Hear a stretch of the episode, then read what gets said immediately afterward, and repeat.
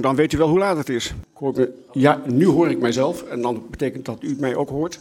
Dat betekent ook dat ik u welkom kan heten eh, bij de 88ste editie inmiddels alweer van Zakelijk Almelo en onze 20ste jaargang. Dick de Rijter heeft namens ons, eh, de man achter de knoppen, eh, de blauwe loper voor u uitgelegd. We hebben twee interessante bedrijven en dus ook twee actuele thema's. Ter Horst Wonen en Projecten. Aanwezig is eh, Wilfred Koek en het bedrijf Eurol. En eh, die is hier vertegenwoordigd door Martijn Vijver. Columnist Theo van Rijmenam, later meer. Eh, we hebben ook een zeepkist dit keer, dat is Reinier van Broekhoven. Eh, Sorry? Hij, hij staat op de zeepkist. Ja? Hij is niet de zeepkist. Nee, nee, nee. Excuus Theo. Hij is de. Nee, sorry, hij staat op. Ja. Eh, Joost van Baars legt deze avond eh, in mooie foto's vast. Martin Steenbeke gaat met eh, beide heren in gesprek. De eerste heeft reeds plaatsgenomen, Martin Vijver. En Ledenboer zorgt voor een heerlijk drankje en belendend hapje. Wij wensen u een plezierige avond en ik geef nu graag het woord aan Martin. Dank En u wel. Dank u wel. Welkom Martijn Vijver. De vaste gasten van dit programma, die bijna geen enkele editie overslaan, eh, die weten het zich wellicht nog te herinneren dat senior een jaar of tien geleden de gast is geweest. En eh, ja, u was erbij. Ik was er wel bij. Ja, dat klopt. en dan weet u ook nog dat een belangrijk gespreksonderwerp was de naderende verhuizing van Nijverdal naar Almelo XL. Daar zou eh, de nieuwe productielocatie van eh Eurol gevestigd worden. Nou, inmiddels is dat ook gerealiseerd. Tussen haakjes komen we zo op terug. Maar we zijn tien jaar verder. Ja, klopt. Waarom moest het zo lang duren? Ja, go- goede plannen kosten wat tijd, hè? Ja, weet ik. Goede wijn eh, moet je goed laten liggen, et cetera. Maar tien jaar is wel erg lang, want jullie dachten toen... 2014 beginnen we met de bouw, 2015 kunnen we het dan wel opleveren. En jullie waren er al, toen al hard aan toe. Want Eurol, grote producent, smeermiddelen, oliën... Auto's, industrie, producten gaan de hele wereld over. Zat in Nijverdal, zit in Nijverdal gevestigd op meerdere locaties. Groeide uit het jasje. Dus was al toe aan één grote mooie locatie. Daar vlak naast het Twentekanaal. Dat klopt helemaal. En eh, we hebben inderdaad ook eh, de, de plannen eh, ten uitvoer gebracht en, en hebben op een gegeven moment een stap gezet om een stuk grond aan te kopen in Almelo. Ehm, alleen achteraf gezien waren wij iets te vroeg met het, het, het jaarwoord eigenlijk om de grond aan te, aan te kopen. Want er waren nog bewoners op het XL-park eh, terrein. Die waren nog niet uitgekocht. Dus dat hinderde eigenlijk ons eh, in het verkrijgen van de vergunning. En dat was een, eh, een, eh, vrij langdurig traject. En, en op een gegeven moment hebben we dat, ja, heeft eigenlijk het XL-park dat af kunnen ronden met, met de bewoners. En daarna was de weg vrij om een vergunning in te dienen en Ja. dat traject af te ronden. En dat heeft inderdaad een aantal jaren gekost. En vervolgens zijn wij in eh, 2019 begonnen met bouwen. En eh, in 2001, en- nee, 2020 begonnen met bouwen. In 2021 was het gebouw klaar. Ja. Ehm, en met het gebouw wat wij hebben neergezet, eh, dat Hier was te zien trouwens op de afbeelding. Ja. dat is niet alleen een gebouw, zeg maar een, een lege doos waar, eh, waar wij goederen in kunnen opslaan. Maar er zit ook een heel eh, automatiseringsvraagstuk aan, aan verbonden. We hebben daar een eh, hoogbouwgebouw of een hoogbouwmagazijn eh, Ja. neergezet. Veel hoger ho- dan wat in Nijverdal eh, stond en staat. Veel hoger dan wat in Nijverdal komt, eh, 18 meter hoog. Ja. En ehm, daarin hebben we eigenlijk onze palletopslag helemaal geautomatiseerd. Dus automatisch wordt alle pallets Daarom zien we ook geen werknemer op deze afbeelding. Nee, klopt. En ehm, nou, een dergelijk automatiseringstraject, eh, ja, dat, dat komt dan achter de bouw aan. Ja, En, eh, en dat kost ook veel tijd. Ja. voordat je alles in gebruik Ja. kon nemen. We komen zo even op de voordelen verder daarvan natuurlijk. Maar eh, gedurende al die jaren dat jullie noodgedwongen even on hold stonden, is er wel iets veranderd ook in jullie gedachtegang. Want eh 2013, 14 spraken we, en ook de gemeente Almelo dacht dat, dat euro in zijn geheel naar Almelo zou komen. Maar inmiddels blijven jullie voor een groot deel ook in Nijverdal gevestigd. Waarom niet alles verhuisd naar eh, Almelo? Nou, dat heeft twee redenen. Eh, enerzijds met voortschrijdend inzicht eh, hebben wij eigenlijk gezien dat eh, het verlaten van de locatie Nijverdal eigenlijk een, eh, een, eh, ja, een desinvestering zou zijn die achteraf gezien niet zinvol zou zijn. En tegelijkertijd hebben we met alle ontwikkelingen van onze business eigenlijk de conclusie getrokken dat het beter zou zijn om de fabriek in Nijverdal door te laten draaien. Dus wij hebben daar een aanpassing op gedaan in onze plannen dat wij hè, de, de productieactiviteit die we in Almelo zouden doen, Mhm. die hebben we afgeschaald naar een, een, een niveau van high volume productie. Oftewel, hè, Almelo wordt eigenlijk een aanvulling op Nijverdal voor hoogvolume producten. En Nijverdal blijft eigenlijk de locatie waar we medium en klein volume producten kunnen produceren. Maar bleef je dan toch niet zitten met dat ene belangrijke nadeel wat je nu al hebt in Nijverdal? Dat je moet van locatie in locatie, veel gesleep, heen en weer, niet efficiënt en dergelijke. En dan komt er nu wel weer een plek veel verder. Of veel verder, het is natuurlijk op landelijk niveau, wereldniveau, echt een, een, een struikelsteentje. Maar blijf je daar toch niet mee zitten, dat het een nadeel is? Nou, kijk, wij, wij zaten tot uh, anderhalf jaar terug uh, in 15 locaties in ja. Nijverdal. En dat hebben we al terug weten te brengen naar 10 locaties. Ja. Uh, uiteindelijk gaan we in Nijverdal verder afschalen naar, naar waarschijnlijk iets van drie locaties. En dat zijn locaties met allemaal eigen activiteit. En die activiteiten kunnen op zichzelf opereren. Dus wat we in Nijverdal produceren gaat wel naar Almelo toe, omdat we daar de centralisatie van van logistiek ja. doen. En in Almelo gaan we voor het hoogvolume de productie ja, op het XL-park doen. Ja. Wat betekent dit voor de ontwikkeling van het bedrijf dat jullie dat nu daar kunnen doen? Met die voordelen al, hè? een meer geautomatiseerd uh, uh, proces wat zich daar plaats kan vinden. Um, logistiek zit je op een veel betere locatie. Wat betekent dit voor de ontwikkeling van het bedrijf wat, zoals gezegd, um, ja, de wereld eigenlijk als, als, als, als afzetgebied heeft? Ja, nou, het mooie van als je dus nieuwbouw doet, hè, dus je hebt een leeg terrein en je kunt eigenlijk met, uh, met niks beginnen op de tekentafel, dat je het eigenlijk kunt ontwerpen zoals je het eigenlijk zelf zou willen hebben. En zo hebben we het plan ook uh, uh, uitgewerkt en hebben we eigenlijk ook een totale fabriek ontworpen die compleet is en waarmee we eigenlijk alle activiteiten kunnen doen die we willen doen. Um, en daarvan hebben we nu twee fases gerealiseerd. Um, en het voordeel is dat we dus uh, um, eigenlijk de, de stap van centralisatie van logistiek hebben kunnen, kunnen voltooien, waardoor we echt besparen in onze logistieke activiteiten. We hebben een stuk automatisering daarin gebracht, waardoor we eigenlijk de afhankelijkheid van uh, de mens uh, kleiner maken. en zeker met de actuele arbeidsmarkt is dat gewoon echt een, ja, ik zou bijna zeggen, een schot in de roos. Ja. Um, en uh, straks als de productieactiviteit ook gestart is, ja, dan uh, kunnen we daar ook de interne logistiek daarmee uh, optimaliseren. Ja, en, het, en, het, kanaal is echt van beduidende betekenis, de loskade waar je vlak naast zit. Het kanaal biedt ons het voordeel om goed, dus via CTT Container Terminal richting Rotterdam te versturen. Ja.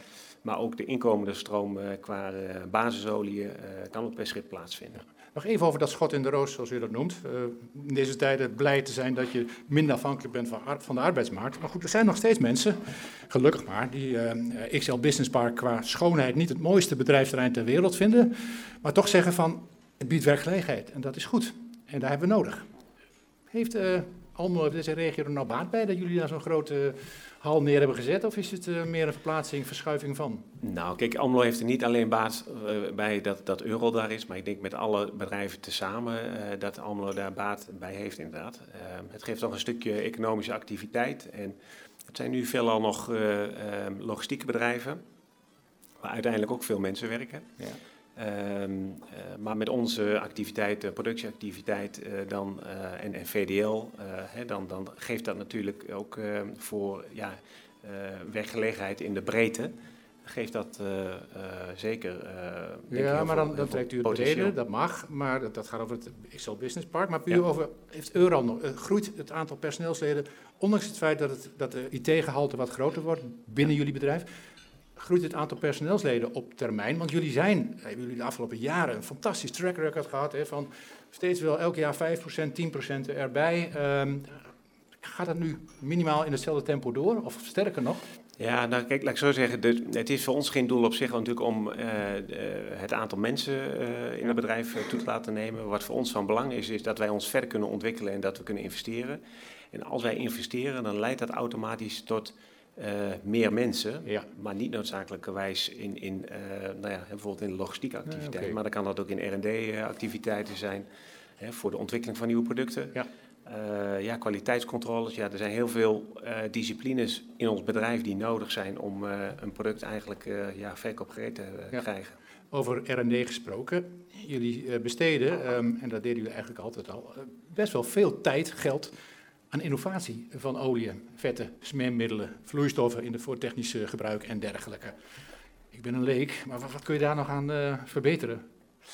Uh, ja, heel veel eigenlijk. Het draait, het smeert en dat is prima. Ja, uh, kijk, als wij smeermiddelen ontwikkelen, bijvoorbeeld voor automotive toepassingen of voor transporttoepassingen, dan, dan zijn wij gehouden aan het volgen van de richtlijnen van automobielfabrikanten. Daarin hebben we eigenlijk weinig speelruimte om daar heel veel ja, kwaliteitsimpulsen aan de producten toe te voegen. Maar voor industriële toepassingen uh, ligt er eigenlijk veel meer ruimte om producten te ontwikkelen die een, uh, ja, echt een kwaliteitsverschil hebben met de gevestigde orde. Noem eens een voorbeeld als het gaat over een industriële toepassing. Uh, nou, dat kan bijvoorbeeld een, een betonmolen zijn of ehm, bijvoorbeeld in Amsterdam heb je de Noord-Zuidlijn, dat is de nieuwe spoorlijn. Ja.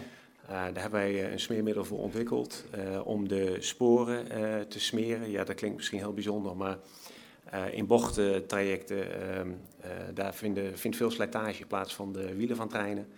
Uh, en tegelijkertijd geeft dat heel veel piepende geluiden, wat tot overlast leidt. Ja. En daar hebben wij dus een speciaal smeermiddel voor ontwikkeld, dat biologisch afbreekbaar is, non-toxisch. Um, en dat zorgt ervoor dat de slijtage tot een minimum wordt gereduceerd en het geluid volledig wordt weggenomen. Ja, dus dat soort dingen, dat moet je wel doen om nou ja, A, innovatief op op, op, zeg maar op niveau te blijven, maar je ook omdat misschien uit duurzaamheidseisen er andere vraagstukken op tafel komen. Ja, klopt. klopt hè. Duurzaamheid is echt een, eh, een, een, thema wat ja, bij ons ja, iedere dag aan de orde is. Hè. Kijk, in feite is een smeermiddel een duurzaam uh, product in de zin dat het hè, levensduurverlengend uh, werkt. Ja, maar tegelijkertijd ook een, een, een hulpmiddel om CO2 uit te stoten. Uh, ook dat, hè. Maar als we dat niet, hè, als er geen smeermiddelen zouden zijn, dan zouden we steeds nieuwe motoren moeten bouwen. En ja, dat is ook niet de eh, optelsom voor de CO2-footprint natuurlijk niet, niet gunstig.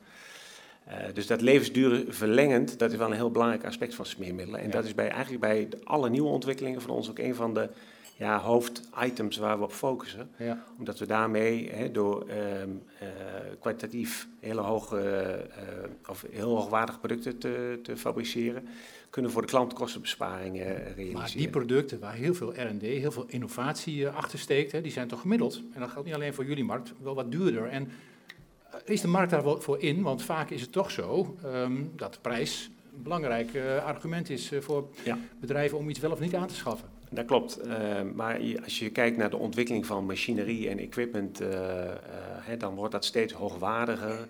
De belastingen en, ja. en, omstandigheden waarin die machines opereren, die, die worden ook steeds zwaarder. Als je dat met een kwalitatief hoogwaardig product gaat smeren, dan kan je tijd besparen door dat je de onderhoudsintervallen kunt verlengen. Ja. En daarmee kun je eigenlijk kosten besparen voor hè, de, de, eigenaar, de, de eigenaar van de machine. En als je dat uh, per saldo uitrekent, dan levert dat gewoon een voordeel op. Sterk, uh, niet alleen in uh, Europa, maar ook in bijvoorbeeld Afrika, het Midden-Oosten, Azië, om wat te noemen. Ja. hoe moeten we euro zien op wereldniveau? Als een van de honderden vergelijkbare producenten van dit soort olie- en smeermiddelen, of horen jullie tot de Champions League? Nee, wij, wij proberen de Champions League te spelen. En uh, wij zijn, uh, kijk, als, als, wij, als fabrikant uh, zijn wij um, eigenlijk een, een. We zijn in, bijvoorbeeld in Nederland de enige zelfstandige oliefabrikant die ook echt werkelijk zelf de smeermiddelen fabriceert. En dat betekent dat de aandelen 100% bij u in handen zijn. Ja. ja. Er zit geen buitenlands concern wat nee. 51% van de aandelen heeft. Nee, nee, nee. Lekker. En, um, ja, uh, laat ik zo zeggen, dat is comfortabel. Ja. En, en tegelijkertijd ligt daar natuurlijk ook de uitdaging, omdat ja. wij, hè, willen wij een bestaansrecht hebben, hè, dan moeten we toch volop investeren. Ja. Dus dat ligt dan ook bij mij. Ja. Um, maar het speelveld wereldwijd is, is, is heel groot. Hè. Dus er zijn meerdere bedrijven zoals het onze die, uh, uh, die proberen op diezelfde wijze ja, de markt te veroveren. Precies, producten blijven doorontwikkelen. Ja, dus uh, in die zin hebben we best wel een bijzondere positie. Ook, ja. hè, met de speciaalsmeermiddelen uh, waar we mee zijn gestart, uh, ja, kunnen wij iets anders bieden dan een standaard smeermiddelenleverancier. Ja, ja en, en dat pad zijn we eigenlijk verder aan het bewandelen. Maar nog niet tot de, de, on, de, de werelds grootsten echt behoren. Er zijn, zijn grotere spelers. Nou ja, kijk, de, de oliemaatschappijen, de bekende merken, die, die, zijn er. En die hebben ook een voorsprong van nou ja, 80 tot 100 jaar. Ja, precies. dus die gaan wij ook niet inhalen. Alleen als je over 20 of 30 jaar gaat kijken wie er dan nog de spelers zijn, ja. Ja, dan is de vraag wie dan in het lijstje staat. Dat is interessant over 20, 30 jaar. Kom ik over. Maar we willen nog even die metafoor van de Champions League erin houden. Want uh, voetballiefhebbers weten dat uh, Ajax-fans uh, spreken over 0-10. En dat ze bij Feyenoord het woord Ajax niet in de mond nemen en het hebben over 0-20. Van mij heeft het zo goed gezegd, die, die kent de getallen. Toen ik bij u in het voorgesprek zat, had u het over de Almeloze oliefabrikant waarvan u de naam niet wilde noemen. Ja. ja. Hoe is de concurrentiestrijd met Kroon? Ja, die is gezond. He, die is gezond, dus uh, ja? niks over Houden jullie elkaar goed in de gaten of uh, hoe werkt dat? Nou, wij hun Talenten bij elkaar wegkopen? Wat zijn nu, dat weet ik niet. Maar... Ah, kom. dat weet nee, je maar ja, ja, kijk, het, het is... Er zit er overlap in.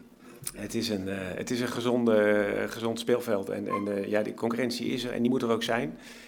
Uh, althans, hè, wij vinden het prettig dat er concurrentie is, want dat houdt ons scherp. Ja. Um, en, en het is aan ons om uh, te laten zien dat wij het verschil kunnen maken. Ja, dat zijn algemeenheden die u nu uh, slaat. U een, ja, dat, dat is ook wel zo. Zegt u niet van, Alleen, het, is, het is wel heel... Het grote verschil is wel, en niet iedereen doet het. Oh, doen zij het niet zo? ik, ik kan alleen voor onszelf spreken, maar... Ja. Ehm, wij proberen echt een verschil te maken met, Nou ja, wat ik al zei, zei met de speciaalsmiddelen, bijvoorbeeld voor zo'n uh, treinspoor. Ja, dat is echt iets anders dan wat de, de standaard uh, olieleveranciers doen. En ja, daarmee maken wij echt wel eens verschil. Ja. En jullie zijn dus volop 100% Nederlands. En dat kan dat ook. Ja. Uh, 20, 30 jaar. Ja, zitten we dan hier weer aan tafel. Want dan is in ieder geval de automobielindustrie voor een groot deel richting elektrisch gegaan. En dat zal ook voor andere Um, dat duurt dan denk ik iets langer als je hebt over scheepvaart, maar landbouw zal daaraan moeten geloven, denk ik. En die elektrische motoren hebben op uitzondering na geen olie en smeermiddelen nodig. Um, wat betekent dat voor uw sector?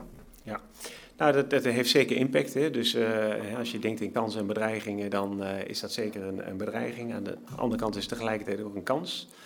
Uh, pak een middenklasse BMW buiten de motor, ja. de brandstofmotor, heb je nog zeker 200 smeerpunten die gesmeerd moeten worden. Van deurscharnieren tot raammechanismes tot stoelmechanismes, versnellingbakken en aandrijvingen.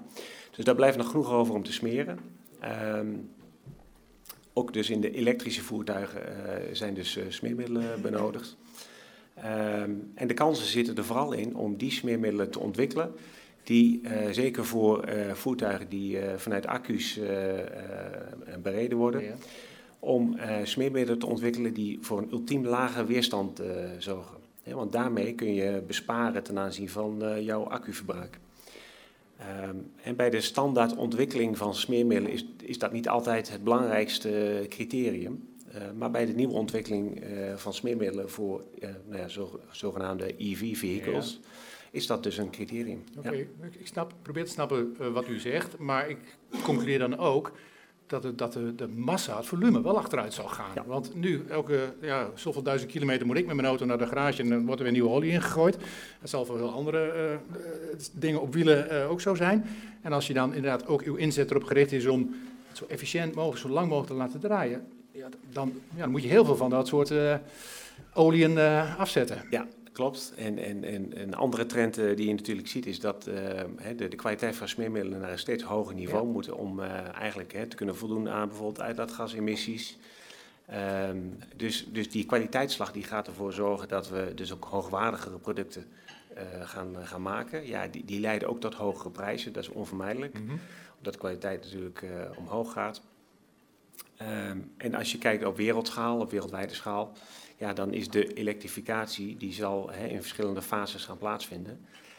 Um, dus ja, voordat de laatste auto met brandstofmotor uh, ja, gestopt is met ja. rijden, uh, zijn we nou, zeker 20 jaar, 25 jaar verder. Maar, maar ja, geen, geen glazen bol, maar Euro moet, zie gewoon kans om mee te gaan. En niet zo dat u zegt van, het zal 30 jaar duren, het zal 40 jaar duren, maar uh, mijn opvolger zal dan waarschijnlijk het licht uit moeten doen. Nee, dat denk ik niet, want, want wij zitten uh, naast automotive en transport zitten wij ook heel veel in uh, landbouw, grondverzet, uh, ja. industriële markten. Ja, en, en Nou, kijk, kijk alleen even naar de industrie. De, je hebt daar de keramische industrie, je hebt de betonindustrie, de houtindustrie. De, er zijn zoveel takken van sport waar smeermiddelen worden gebruikt. Kijk, alles wat hier staat in dit gebouw wordt gemaakt met machines. En ja, daar heb je smeermiddelen voor nodig. Ja. Dus uh, smeermiddelen, hè, daar waar wrijving is, heb je smeermiddelen nodig. En ja, dat is voor ons een geluk. Um, en ja, wij raken de komende 50 tot 100 jaar nog niet uitgewerkt. Wrijving brengt glans en wrijving brengt voor u omzet in het laadje. Ja. Nog even over die wereld. Um, als u vanuit hier, uh, productielocatie, alles naar um, ver weg landen moet transporteren, en daar helpt inderdaad dan wel zo'n uh, kanaal bij bijvoorbeeld, en u hebt in Rotterdam ook de beschikking over opslaglocaties, maar toch, het moet een heel eind uh, getransporteerd worden. Loont het zich niet om in een van die werelddelen waar u sterk bent, om daar ook een fabriekje, ik zeg het wat badinerend, te starten, ja. om daar gewoon dichter bij de afzetmarkten te zitten? Ja, ja, dat, dat loont zeker. En, en dat is ook een ontwikkeling waar we ook mee bezig zijn. Uh, we zijn eigenlijk, uh, wat is het, een goede anderhalf, twee jaar geleden begonnen met een verkoopkantoor in Zuid-Afrika. Om eigenlijk de, de, onderzijde van het Afrikaanse continent te gaan bedienen. Ja. En daar zijn we nu afgelopen jaar ook begonnen met productie. En dat is dan wel productie bij derden, dus niet vanuit de eigen locatie, maar eigenlijk onder onze certificering worden daar producten dan geproduceerd. Uh, zijn we dichter bij de klant, uh, besparen we in transport. En, en uh, ja, dat is zeker iets ja, wat... en dat kan eventueel ook, zeg maar, um, losgelaten worden, pak een beetje Azië, ik noem wat. Azië, Zuid, Zuid-Amerika, ja. Noord-Amerika. Dus eigenlijk alle continenten kun je daar eigenlijk wel onder, onder vangen. Ja. Ja. En als het goed is, hebben zeker de autosportliefhebbers wel gehoord van Eurol. Want u bent vrij fanatiek met de sponsoring. Ja. Uh, onder andere in de Dakar Rally terug te zien. Op de, Ja. de motoren die daar door de, door de woestijn, uh, hier zo, de truck van, van Riewald bijvoorbeeld. Riewald, Ja, Ja. klopt. klopt. Wat brengt u dat, die sponsoring? Naamsbekendheid? Ja, kijk, Hopelijk wel, maar andere voordelen? Ja, kijk even op, op wereldmarktniveau. Hè, smeermiddelen worden gezien als commodities. En ja, voor commodities moet je veel inspanning doen om, Ja. om jouw product Och ja, moet natuurlijk eh, ja, goed, eh, goed aan te kunnen bieden.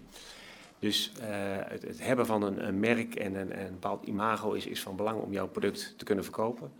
Eh, en dat doen wij inderdaad met de, de sportsponsoring. eh, om, om eigenlijk ja, op, op wereldtoneel zichtbaar te zijn.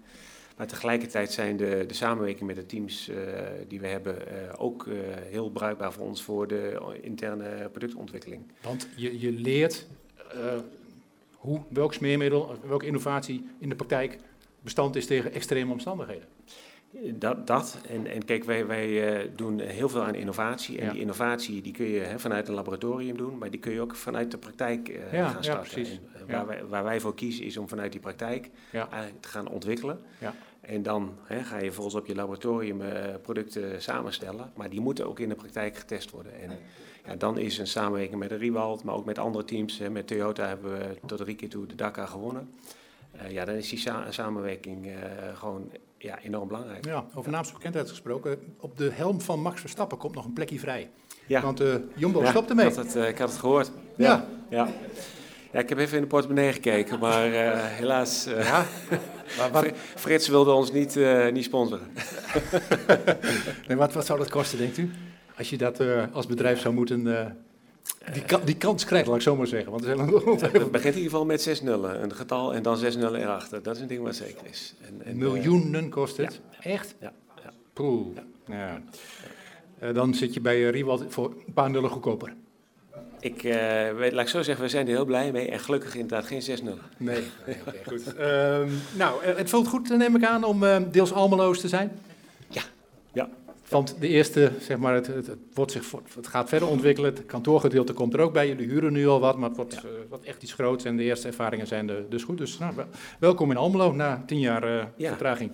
Dankjewel. Ja, fijn Dankjewel. dat jullie er zijn. Maar de zaal heeft nog de gelegenheid om uh, een vraag te stellen. Zijn er mensen die uh, al of niet met een smeermiddel in de hand een vraag willen stellen? Achteraan gaat een hand de hoogte in. We komen bij u. de kroon op het werk. Goedemiddag, mijn naam is Bob Rietveld van Flow 360. Uh, u heeft het net gehad over innovatie ten aanzien van de smeermiddelen. Uh, en een van de dingen die u genoemd heeft is de langere standtijd in de machines. Ja. Maar er zijn meer uh, dingen. geluidsbesparing. wat tegenwoordig natuurlijk hot is, is de, de CO2-uitstoot. De NOx. zitten jullie ook in, in de maritieme sector? want Daar zijn uh, oliefabrikanten die daar heel erg op inspelen, op met name die brandstofbesparing en dus ook de CO2-uitstoot ervan. Hoe is dat met jullie producten? Ja, klopt. Um, ook, ook voor de maritieme sector uh, hebben wij uh, producten ontwikkeld die ja, enerzijds brandstofbesparing opleveren en daarmee dus ook minder uitstoot hebben. Um, en wat van belang is hè, om dat te bereiken, is dat de producten of een, een, een verlaagde weerstand creëren in, in het inwendige systeem. Ehm, maar ook een goede inwendige reiniging van, het, van de motor is daarbij van belang. Um, dus we hebben daar inderdaad producten voor ontwikkeld die bijdragen aan een lagere emissieuitstoot. Um, daarnaast zie je ook bij additionele systemen aan boord van schepen dat daar ook uh, ja, heel veel besparing gerealiseerd kan worden door daar ook een langere standtijd te kunnen bereiken. Um, en je ziet met heel veel elektrische toepassingen dat ja, producten die zorgen voor minder interne weerstand, dus ook minder energieverbruik hebben. En daarmee ook weer bijdragen aan ja, een verlaagde CO2-uitstoot. Ik kan, daar verder, ik kan daar zeker later nog wat meer over vertellen als u dat wilt. Ja. Hebben jullie dan ook al cijfers over hoeveel procent minder brandstofverbruik er wordt gerealiseerd? Bijvoorbeeld in de maritieme sector of ik weet niet, misschien ook in de transportsector bij de vrachtwagens en dergelijke? Ja, ja dat, daar hebben wij zeker ook echt harde getallen in. En dat zijn percentages van tussen de 2 tot 4 procent wat wij bepaalde testtrajecten hebben kunnen realiseren. En zeker aan boord van uh, visserschepen hebben we dat ook getest. Uh, ja, daar, daar, daar, wordt veel brandstof verbruikt en, en, en daarmee dus ook grote besparingen kunnen realiseren. Ja. We kijken rond en concluderen dat uh, er geen vragen meer zijn. Dat, prima. Ik dank u. Mooi. Ja. En tot de volgende keer. Bedankt. Bedankt voor de uitnodiging. Ja.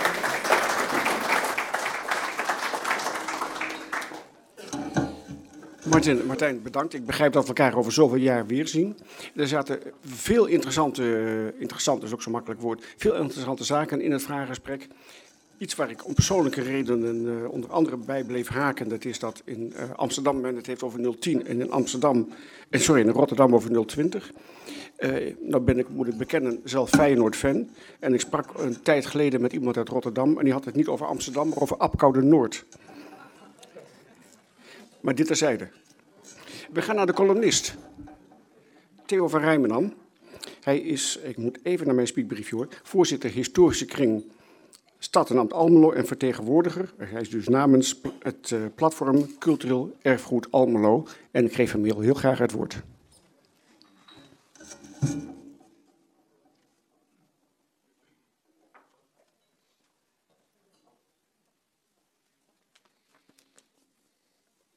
Ja, dames en heren, heel graag uh, wil ik wat uh, stilstaan bij het cultureel erfgoed in Almelo. En ehm, nou, de titel van, dit, van deze column is Cultureel erfgoed en zakelijk Almelo, een wederkerig belang. Um, werd al net gezegd, het platform Cultureel Erfgoed Almelo. Um, ik kom er zo even op terug. En die historische kring, Stad en Ambt zijn u dankbaar dat we vandaag de gelegenheid hebben om in te zoomen op cultureel erfgoed in algemene zin. En ook meer specifiek daarvoor voor het bedrijfsleven in Almelo. En waar kan dat mooier gebeuren eigenlijk dan hier in dit historische pand? Uh, het oude bankgebouw, wat fantastisch mooi uh, ja, is teruggebracht uh, door grote inspanningen. En nu ook een stuk erfgoed is voor de stad. En nou, de plaat hier achter mij, die spreken voor zich. En ook de foto's aan de andere zijde, die zijn zeer de moeite waard. Maar goed, nu over het platform. Allereerst, wie is en wat doet het platform? Het is opgericht in 2019 om samen met de gemeente Almelo uitvoering te geven aan de erfgoednota Zichtbaar Verleden. En dat doen we op een aantal manieren, maar onder andere ook door advisering, de organisatie van de Open Monumentendag en ook het mede invulling geven aan uh, erfgoedprojecten via subsidies. En op dit moment kent het platform een zeventiental erfgoedorganisaties die verenigd zijn in dat platform en het idee is dat die organisaties naast hun behartiging van hun eigen belang ook uh, samen met elkaar gaan optrekken. En dat alles onder het mom van 1 plus 1 is 3. Het cultureel erfgoed in Almelo is nauw verbonden met de geschiedenis van de stad. De oudste vermelding van Almelo dateert van 1157. En de, het eerste huis Almelo dateert van 1236. En ja, ook nog een feitje. 1420 wordt altijd als het jaar gezien, of bijna altijd als het jaar gezien, dat Almelo stadsrechten kreeg. En de naam Almelo, voor degene die het nog niet weet, is eigenlijk een samentrekking van twee Germaanse woorden. Alma, wat staat voor olm of iep, een boom dus, en la, lauha of lo, en dat is dan een bos gelegen op een zandgrond. Nou, dat is dus Almelo. Als we over cultureel erfgoed spreken, gaat het om twee begrippen, namelijk immaterieel erfgoed, wat wel wordt samengevat onder het begrip tradities. En dan kunt u denken aan specifieke optochten, klootschieten, paasvuur en daar zijn er nog wel een aantal andere.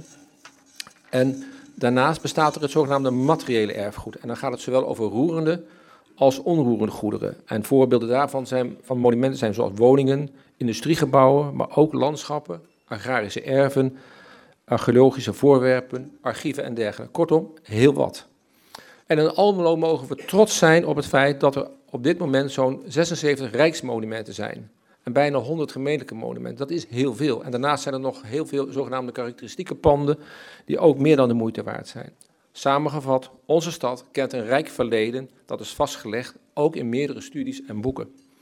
En voor uh, misschien nog een ander ding. Het ontstaan van Almelo heeft veel te maken gehad met het feit dat weggetjes en rivieren, of beken zo u wilt, in Almelo bij elkaar kwamen. En Almelo was in de middeleeuwen de belangrijkste haven voor Noord- en Oost-Twente. Het was een overslagpunt van en naar het achterland. En uh, zo ging er bijvoorbeeld in 1640 in taal 1394 schuiten, bootjes, door de sluis. Dat was de Schutterkolk. Um, en aan de zuidzijde van de stad. En die de Lolé ook verbond met het water richting de Regge en de Vecht. En eigenlijk zijn die verbindingen tot op de dag van vandaag nog steeds heel belangrijk voor de stad. Nou, dat even over de geschiedenis. Maar waarom is nu erfgoed zo van belang voor Almelo? En daarmee voor het bedrijfsleven eveneens. Allereerst, cultureel erfgoed zegt het nodig over het DNA van de stad. Het kleurt de stad nader in. En ook bij vragen als waar komen we vandaan en hoe, hoe, en hoe voelen we dat in 2023. Kortom, het geeft de stad een echt gezicht. Dat geldt voor Amsterdam, voor Giethoorn, maar ook zeker voor Almelo. En vanuit een meer psychologisch perspectief kun je zeggen dat zorg en aandacht voor erfgoed een positieve bijdrage levert aan het woon- en leefklimaat. En daarmee ook het welzijn van inwoners vergroot. Zeker niet gering in de roerige tijden waarin we nu leven.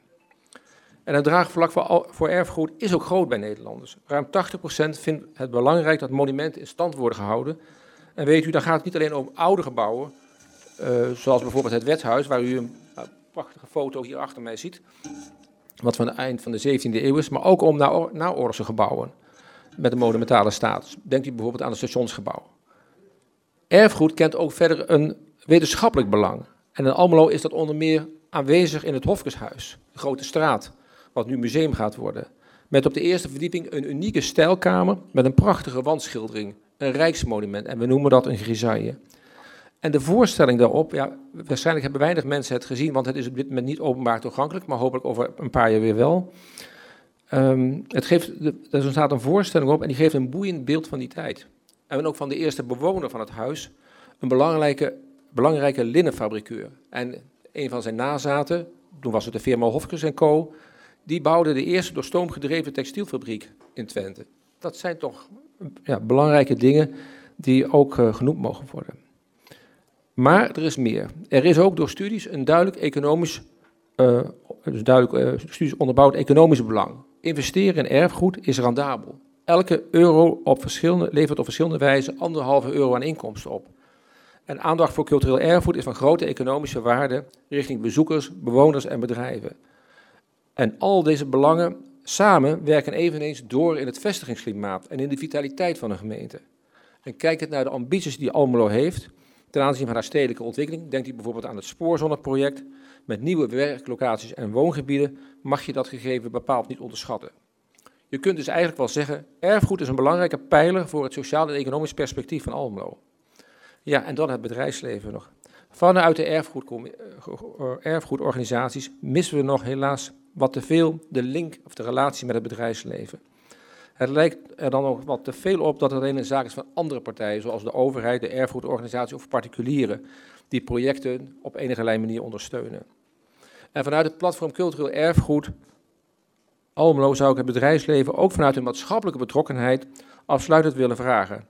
Op de eerste plaats het cultureel erfgoed te herkennen en te erkennen als een relevante factor voor vestiging van bedrijven en lokale ondernemersorganisaties daarin ook in te stimuleren om daar ook mee aan de slag te gaan. En verder ook om het platform Cultureel Erfgoed Almelo, uh, dat het gebruik mag maken van netwerken en contacten en kennis en kunde bij bedrijven om de thema's uit de gemeentelijke erfgoednota benutten, beschermen en beleven beter tot hun recht laten komen. Dus met elkaar in gesprek komen en blijven. En zo kan ook het wederkerige belang van erfgoed en zakelijk Almelo beter tot zijn recht komen. Ik dank u wel.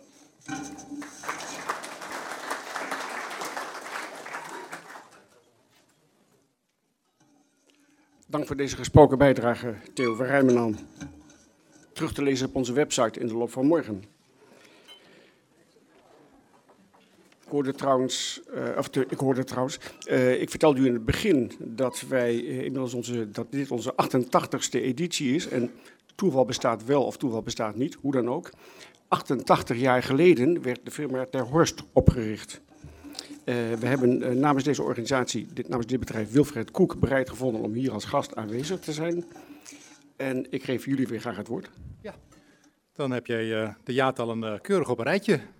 1935. Dat is een heel eind, hè? Waren wij er niet bij, hè? Waren wij er niet bij. Nee. nee. Wat, wat, wat, wat, want, maar u weet wel, als huidige directeur natuurlijk van uh, Ter Horst Wonen en Projecten, hoe het ooit begonnen is hier in de binnenstad. Ja, het is ooit begonnen met uh, de opa van Henk de Horst. En uh, ja, die is een winkel begonnen in de binnenstad van Almelo.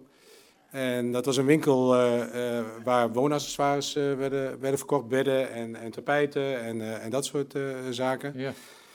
En ehm, ja, toen is dat uiteindelijk verhuisd naar het pand waar Doc 19 een tijd in heeft gezeten. En daar heeft het toen uh, een, een, een, eerste groeispurt uh, uh, gemaakt eigenlijk. En een mooi verhaal daarvan is nog dat de oude meneer van, van Riemsdijk van, van Asito... Ja. daar ooit bij opa Ter Horst langs kwam fietsen... Bij Abel, wat, wat een, een, een concurrentiebedrijf was van ons in de stad. Die zat naast ons in het pand waar nu de bibliotheek gevestigd is. Uh, uh, aankwam fietsen en zei van, joh, ik wil graag een schoonmaakbedrijf beginnen, ja. maar uh, ik moet mijn pandje nog even ingericht hebben, maar ik heb nog niet zoveel geld. En het verhaal gaat dat de oude heer Torhorst toen heeft gezegd van, joh, wat kun je dan missen per maand? Ja. En dat daar toen een deal is gesloten en, en, en, en dat men daar zo dankbaar voor is geweest, even tussen haakjes, maar Asito is als klant ook nooit meer weggegaan. Oké. Okay, en dat mooi. vind ik wel echt een, een uniek gegeven. Ja, ja van toen. Waarschijnlijk was Asito van Riemsdijk ook wel even bij Abel binnengelopen, denk ik. Ja, maar die wou toen niet. Daar heb ik nu nog profijt van. Ja, dat zeker. is wel grappig. Nou, dat is mooi. Ja. Asito is een van de, nou ja, de grotere klanten dan. En die, en die hebt u eigenlijk volop in het Almeloze. Hè? Want ja. Uh, ja, uw bedrijf is uh, groot in de, in de grote projecten. Um, u doet ook wel particulieren, maar in de industrie, in de, in de overheidssector, uh, amuse, of amusement, horeca. Uh, kunnen we een paar, paar, projecten laten zien om een beetje in beeld te krijgen wat u doet. Zeker. Zien we wat foto's. Dit is, als ik goed kijk, ziet u dat wat het is? Ik wil even kijken. Oh, dit is op de universiteit. De universiteit is een, uh, een oh. grote klant van ons. Oké. Okay. Belangrijk in de stofferingsbranche voor vloerbedekking en raambekleding zijn wederkerige klanten. Dus klanten die regelmatig, of die veel vastgoed hebben en regelmatig wijzigingen uh, dat is belangrijk voor u. Nou, ja, precies. Want dat brengt natuurlijk elke keer weer uh, omzet in het laadje. Ja, precies. dit is... En, uh, dit is uh, volgens mij ook een foto van de universiteit, ook okay. een van de kamers. Het ziet er heel modern uit voor een uh, onderwijsinstelling, maar dat is een vooroordeel natuurlijk. Dit is het zwembad uh, bij Preston Palace. Ja. Het is wel heel grappig. Hè? In de vloerbedekkingenbranche zit een enorme ontwikkeling op het gebied, op het gebied van di digital print. Dus het is niet meer zo dat je alleen maar standaard kleurtjes uit hoeft te zoeken, maar tegenwoordig kun je eigenlijk elk design ja. Nou, en het leuke van, uh, van Preston Palace is dat zij uh, uh, ja, allerlei eigen ontwerpstudio's hebben die dit soort prints maken. En we hebben daar een, een, een, vloer gemaakt met voetstappen erin, net of je in het zand loopt. Ja. ja dat zijn gewoon hele leuke dingen, ook voor stoffeerders om, om te maken. Ja, zo, en zo kunnen we eigenlijk heel veel, hier hebben we er nog één, weer een beroep op uw kennis te doen. Kijken of u doorgaat naar de volgende ronde. Dit is, uh, uh, uh, ik heb eigenlijk geen idee. nou, dat is maar goed ook. Dat betekent dat u heel veel mooie projecten hebt en dat u niet alles meer kunt herinneren. Maar ja, ZGT is bijvoorbeeld ook nog een, een klant ja. voor u, de gemeente volgens mij. Hè? En Heracles ja. Almelo natuurlijk, Zeker. met de verbouwing van het stadion, de Zeker. renovatie. Um, hoe, hoe, komt u daar zo aan? Want ja, dat betekent wel dat dat bedrijfje wat vroeger door Ter Horst is begonnen, een ontzettende groei heeft doorgemaakt. We vergeten nog uh, dat het uh, in 1952 overgenomen is door uh, Jan Groothuis. In 1992. Twee, sorry, 92, pardon. Ja, en waarna u in 2008 in de zaak bent gekomen. Ja, dat klopt. Dat klopt. Ehm, was het toen al op dat niveau zo groot? Nou, de, de, eh, ja, ja, eh, Henk de Horst en Jan Groothuis, eh, die een gedeelte samen hebben gewerkt, die hebben eigenlijk het bedrijf op een vrij constant niveau eh, eh, continu gehouden. En eh, dat, dat was eigenlijk eh, eh, heel knap. Ze Ja. waren ook heel actief in de, in de Almeloze omgeving met klantenonderhoud. En, en, en samen met klanten naar de voetbal toe of samen met klanten een biertje drinken op de vrijdagmiddagborrel, die, die, die volgens mij heel populair was in Dus die een tijd. Een gunmarkt. Dat was een hele sterke gunmarkt. En toen wij nog in Dok 19 zaten, of in het pand waar nu Dok 19 zit, ehm, toen in, de jaren 80 was het zo dat, dat de, hè, de oliecrisis, eh, was het, eh, zeiden zij tegen elkaar van joh, we kunnen in dit pandje blijven zitten en, en wachten tot de eerste klant weer binnenkomt eh, rollen, maar dat gaat hem niet worden. En toen zijn zij een beetje naar buiten getreden en hebben ze hun eerste projectklant eigenlijk opgezocht. En een van die eerste projectklanten, dat waren de Philips bedrijven aan het Dollegoor. Dat nu Benchmark is en Panalytical. Ja. Panalytical. Ja. Nou ja, en daar is het begonnen. En, en, en door klantenbinding en, en, en samen met elkaar leuke dingen doen en gezien en gezien worden in Almelo. Ja.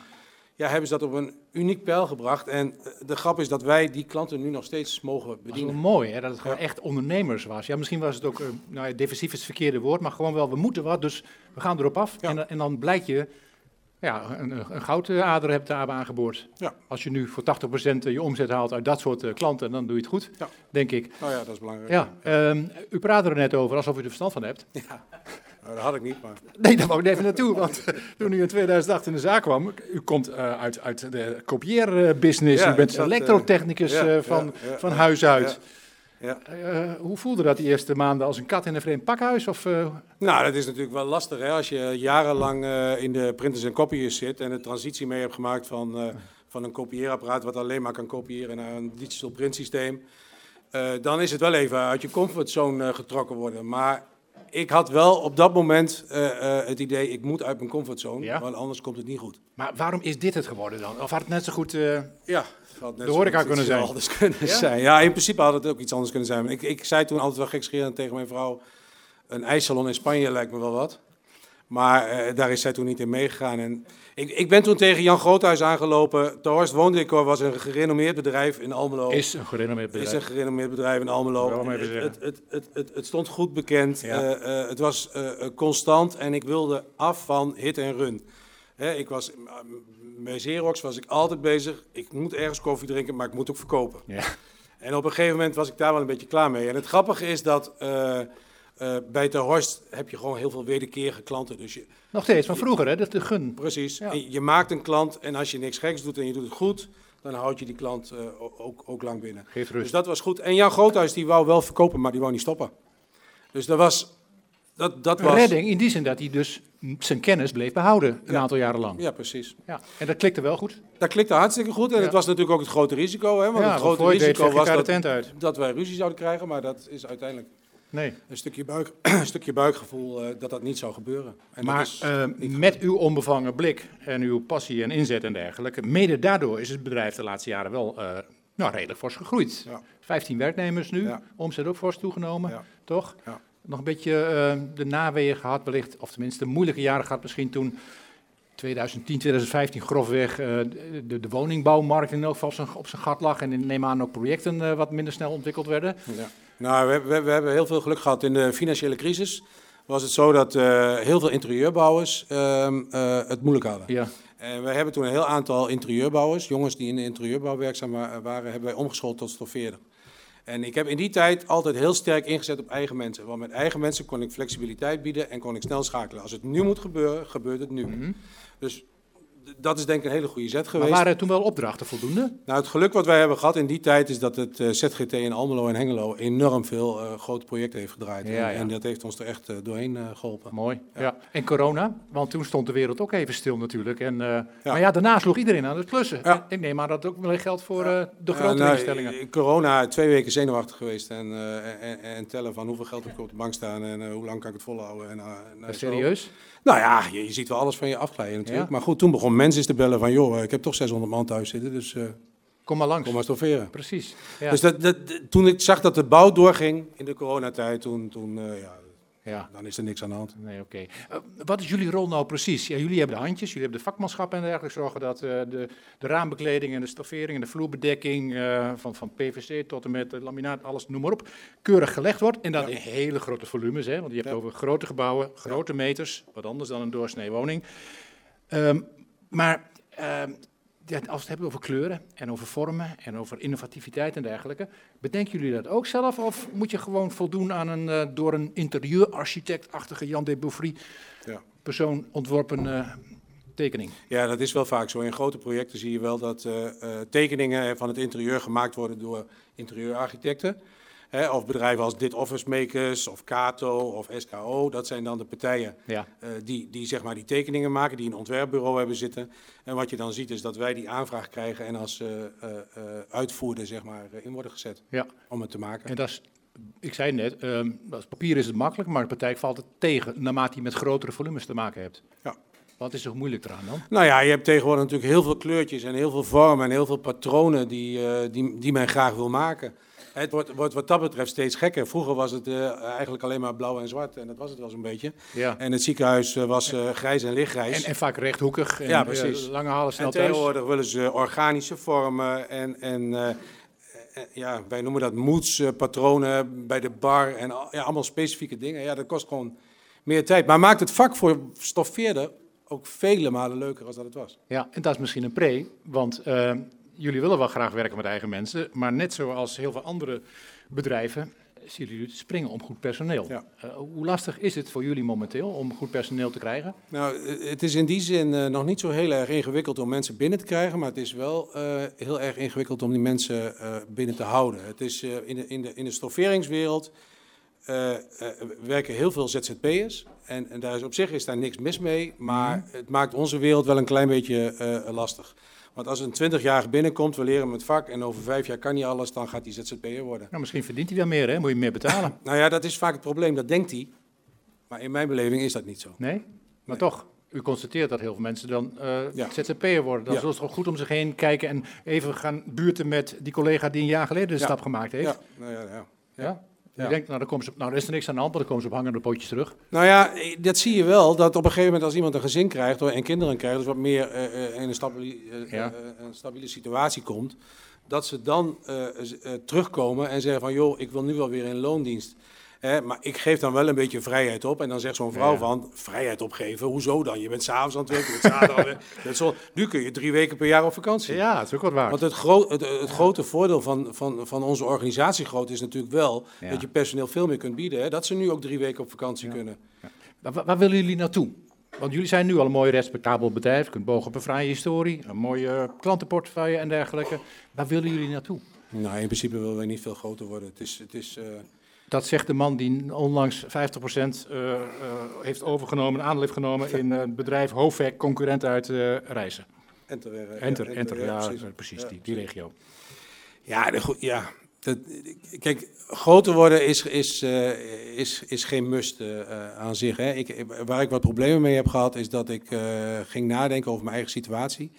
En dat ik dacht van, ja jongens, eh, ik ben alleen, het, draait om mij. En dat, kan, dat is heel gevaarlijk. Hè? Want als ik omval, dan eh, wat gebeurt er dan met de Horst? Oh, wacht even, dit, dit- misschien luisteren 14 personeelsleden ook wel mee, horen ze dit. En dan horen ze dat ze eigenlijk, dat er maar één man is die het bedrijf overeind houdt. Nou ja, Klinkt wel een beetje grotesk. Het was hoor. in de tijd toen ik het overnam, toen, toen, toen een jaar of vijf of zes jaar later of zo, toen dacht ik dat echt. En toen werd ik daar wat nerveus van. En toen, toen is ook een, een, een, een zekere mate van groei ingezet, hè, waarbij Ja. je dus wat meer body krijgt en wat meer mensen op de plek krijgt, zodat eh, het bedrijf niet meer alleen maar afhankelijk is. Nee, eh, maar het is reëel, er kan je wat overkomen en dan is het goed om... Ja, om de backup te hebben, denk ik, ja. En is, ik vult, vult Hovek ehm, jullie perfect aan qua klanten, qua eh, geografische werkgebieden en dergelijke. Nou, eh, Wat- waarom is het zo'n interessante match? Nou ja, het, het, het grappige is, is Ter Horst zit meer aan de Twentse kant van Twente, dus een beetje de diep Twentse kant in. Ja. En Hovek zit eh, van Enter meer de Sallandse kant op. Oh ja. En wij bijten elkaar eigenlijk nagenoeg nooit. Eh, Hovek is briljant in het hebben van klanten op schoolniveau en op eh, eh, ziekenhuisniveau. Die hebben het Isala en het Gelre ziekenhuis en enorm veel schoolgemeenschappen als klant. Eh, dus dat hebben ze erg goed gedaan in het verleden. Ja, en daar, daar zaten twee eigenaren op en eentje werd ziek. En die moesten wat. En dan krijg je zo'n plat prospectus toegemaild. Klaarblijkelijk sta je dan op een lijstje van interessante partijen die wel eens wat overneemt. Ja. Nou ja, en toen ben ik in gesprek gegaan en eh, ja, Zo van, ja. En, te- en tegelijkertijd ook, want er zal ongetwijfeld een raakvlak zijn geweest over geografisch en over klanten en dergelijke. Eén zorg minder dat eh, de orde naar Hoofdweg gaat en niet naar jullie. Nou ja, ja dat sowieso. Ja, dat maakt er ja. niet zo heel veel meer uit. Maar de, de, de, grap is natuurlijk dat je door die grootte kun je, kun je het bedrijfsbureau eh, samenvoegen. Zeker. Je kunt je inkoop optimaliseren. Je hebt meer mensen. Hè, je- eh, het- ons probleem is natuurlijk ook als iemand 55 wordt, dan, dan heeft hij het recht om vier dagen te gaan werken. De knietjes en de enkeltjes hebben te sli- slijten. Dus je hebt ook jongens nodig die gordijnen ophangen, dus die meer staand werk doen. Ja, dat kun je dan bieden als je wat groter wordt. Ja. Sta- Staan jullie niet op een lijstje? Dat jullie, eh, zonder dat je het weet, misschien eh, bij andere grote bedrijven onder de aandacht wordt gebracht van... hé, hey, is uh, toch was niet wat om eh, toe te voegen aan jullie... eh, Ik denk dat ons bedrijf niet interessant is voor private equity of zo. Nee, maar gewoon voor een, eh, een vergelijkbaar bedrijf. Een grotere speler uit het westen die denkt van... hé, hey, ik moet in Oost-Nederland even een voet aan de deur, in de, tussen de deur krijgen. Ja, ik denk dat cruciaal is eh, hoe je, eh, eh, je, je, per- je personeel. Eh, eh, ik denk als er een westerse partij komt eh, die, die geen band heeft met het bedrijf, dat, dat je personeel zo weg is. Ja, Dat denk ik echt. dus als er een... Dat is ook een van de redenen Maar dat, dan- ik, dat ik per se met Hoofdwerk, Ja. met die, met die eh, zoon van die oud-eigenaar samen wilde doen. Ja, nee, maar, maar op, op, op, eh, in dat voorbeeld, volgens dat voorbeeld kan zo'n eventueel, eh, noem maar een fictief bedrijf uit het Westen ook van jou verlangen. Van, dan moet je dan wel vijf jaar lang daar de directeur het boegbeeld zijn. Ja, Kan. dat, dat zou kunnen. Is nog niet gebeurd. Dat is nog niet gebeurd. Ehm, even nog toch even een blik in de toekomst. Ehm, duurzaamheid, terecht. Ja. Een, een, een sterk aandachtspunt. Ja. Ehm, jullie werken ook eh, met, eh, met materialen die eh, nou, per definitie niet altijd zo goed zijn voor het eh, milieu. Lijmen, kitten, plastic en PVC en dergelijke. Restafval. In hoeverre dwingt jullie dat om anders te gaan eh, werken, te gaan uitvoeren, te gaan eh, calculeren? Nou ja, wat wij, wat, wat, wij tegenwoordig moeten doen is uh, onze snijafval moeten wij apart verzamelen. Dus dat, de, dat PVC wat wij gebruiken, dat wordt allemaal terug, uh, Ja. of gaat allemaal terug naar de fabrikant en die dat weer hergebruiken. Met lijmen is uh, wel een hele stap gemaakt. Dat is allemaal niet toxisch meer en allemaal watergedragen.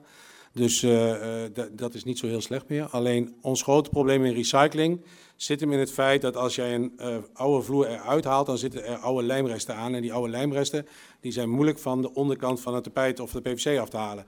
En daar hebben heel veel fabrikanten nog heel veel moeite mee om dat uh, te recyclen. Garens die kun je Ja. terugnemen, Ja. bitumen kun je terugnemen voor de wegenbouw.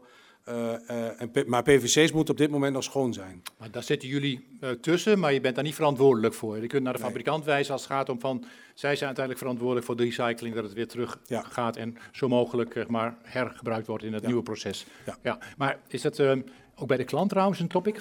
Ik kan me voorstellen dat de overheden daar wel Ja, veel oh, belang nou aan ja, Met hechten. name Dat, overheden. dat die vragen van hoe is het tot stand gekomen en wat wordt er allemaal gebruikt? Bij, bij aanbestedingen, overheid, eh, belastingdiensten, dat soort eh, organisaties, politie, Ja. ja, wordt daar altijd om gevraagd. Dus moet je daar wel ook ehm, in mee, althans. Ja, en de, de grote spelers, hè, Desso, Ja. Forbo, die hebben daar ook programma's voor om dat, om dat te doen. Ja. En die doen dat ook. Ja, goed. En die willen dat ook graag, want het is voor hun ook een, een plus. Ja, ehm, voor je het weet, we praten toch allemaal over jaartallen, zijn we in eh, 2035 eh, aangekomen. 100-jarig bestaan, gaat u dat meemaken? Of is er, is er dan een ijssalon in Spanje die eh, luistert naar de naam IJsco Cream van Koek? Ja, precies. nou, ik, ga- ik hoop wel dat ik het meemaak natuurlijk. Maar Ja? ja, ja ik hoop wel dat ik het meemaak. Want het bevalt zo goed. Nou ja, ik vind het wel leuk werk. En, en wa- wat je natuurlijk hebt als je wat groter wordt, dan heb je eh, veel meer mensen op de plek. En eh, ik heb een operationeel manager nu in Almelo. En in, in, eh, bij Hoofdwerk in Enter hebben we ook een operationeel manager. Ik hoop dat die twee jongens samen straks een klein beetje van mijn aandelen overnemen. En uiteindelijk de- de- het hele bedrijf gaan doorzetten. Misschien met mijn zoon, die ook heel fanatiek is. Ja, Ja, dat zou leuk zijn. En, en als ik zo een klein beetje betrokken kan blijven en, en Ja. de leuke dingen kan blijven doen. dan eh, wordt u eigenlijk weer een soort Jan Groothuis. Die zegt, ik wil het wel verkopen, maar ik wil Ja, er wel blijven Ik werken. wil wel blijven werken, ja. Ja, Ja. mooi. Ja. En ehm, eh, wat dat betreft geen enkele reden om te wanhopen. Met de uitzondering van een enkele week waar je wat zenuwachtig bent geworden in de afgelopen jaren. Is mooi, mooie business. Ja, mooi business. Mooi.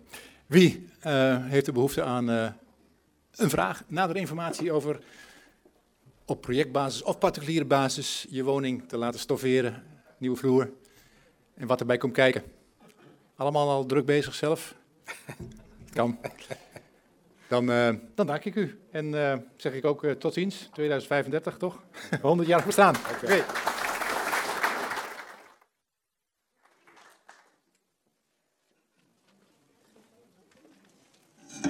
Dank uh, Wilfred Koek.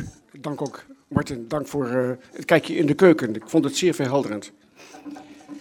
We gaan naar het uh, sluitstuk, de apotheose van deze bijeenkomst, de zeepkist.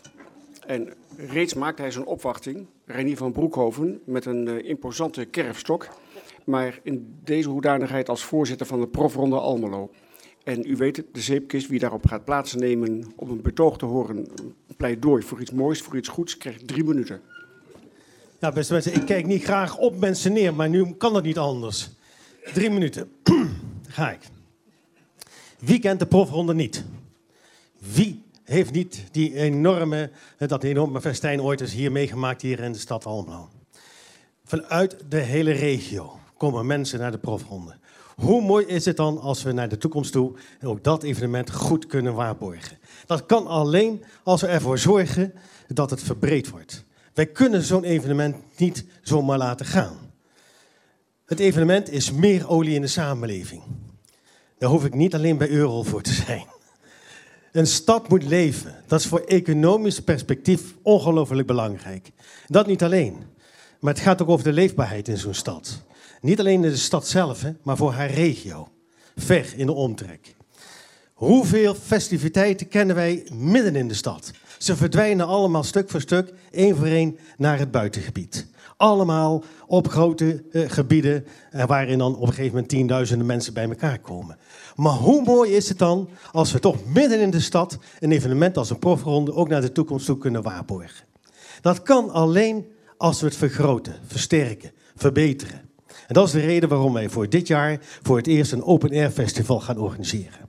Een open air festival wat open is ook voor iedere deelnemer, iedereen in deze, in deze regio. Niet met entreebewijzen, niet met allerlei dure toestandjes, maar zorgen dat het voor iedereen toegankelijk is en plezier heeft in een economisch perspectief gezien een van de belangrijkste evenementen.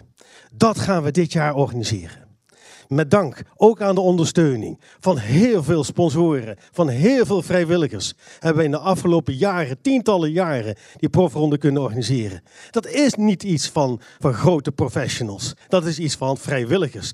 Net als wij als bestuur van Stichting Profronde. Dit evenement is daarop gebaseerd en blijft ook gebaseerd worden. En natuurlijk moeten wij professionaliseren. Daarvoor kopen wij ook een stukje dienstverlening in. Dat kan niet anders. Maar daarvoor zorgen we ervoor dat het een veilig evenement is. Een professioneel en een veilig evenement naar de toekomst toe. Dat kan alleen maar als je ook professionaliseert. Dus vier dagen feest in de stad. Met dank ook aan de ondersteuning, ook vanuit de gemeente. Want zonder die gemeente kunnen wij dit soort dingen niet doen. Wij moeten het samen doen. Ik ben erbij. Ik hoop dat u erbij bent. Ik hoop dat er ongelooflijk veel burgers van de hele regio erbij is. En dat we na deze vier dagen zeggen, dit moet gewoon voor de komende jaren behouden blijven. Ook in het toerisme zal dat ook van belang worden. Wij gaan ervoor. En ik hoop dat u er ook voor gaat. Dank u wel voor de aandacht. Dankjewel Reinier. Eh, een vurig pleidooi dat ik van harte onderschrijf overigens. En keurig binnen de gestelde tijd. En daarmee komen wij helaas wel aan het einde van deze bijeenkomst. Uh, we hebben een zomerreces. De eerstvolgende editie is 4 september. Uh, wij waarderen uw komst bijzonder. Wij denken ook dat u een goede strategische keuze hebt gemaakt door eerst naar Zakelijk Almelo te gaan en daarna te kiezen voor de verlokkingen van een uh, terras of een van onze schenklokalen. Maar in ieder geval hopen we u de volgende keer heel graag te zien en we hopen dat u goed thuiskomt. Dank u wel.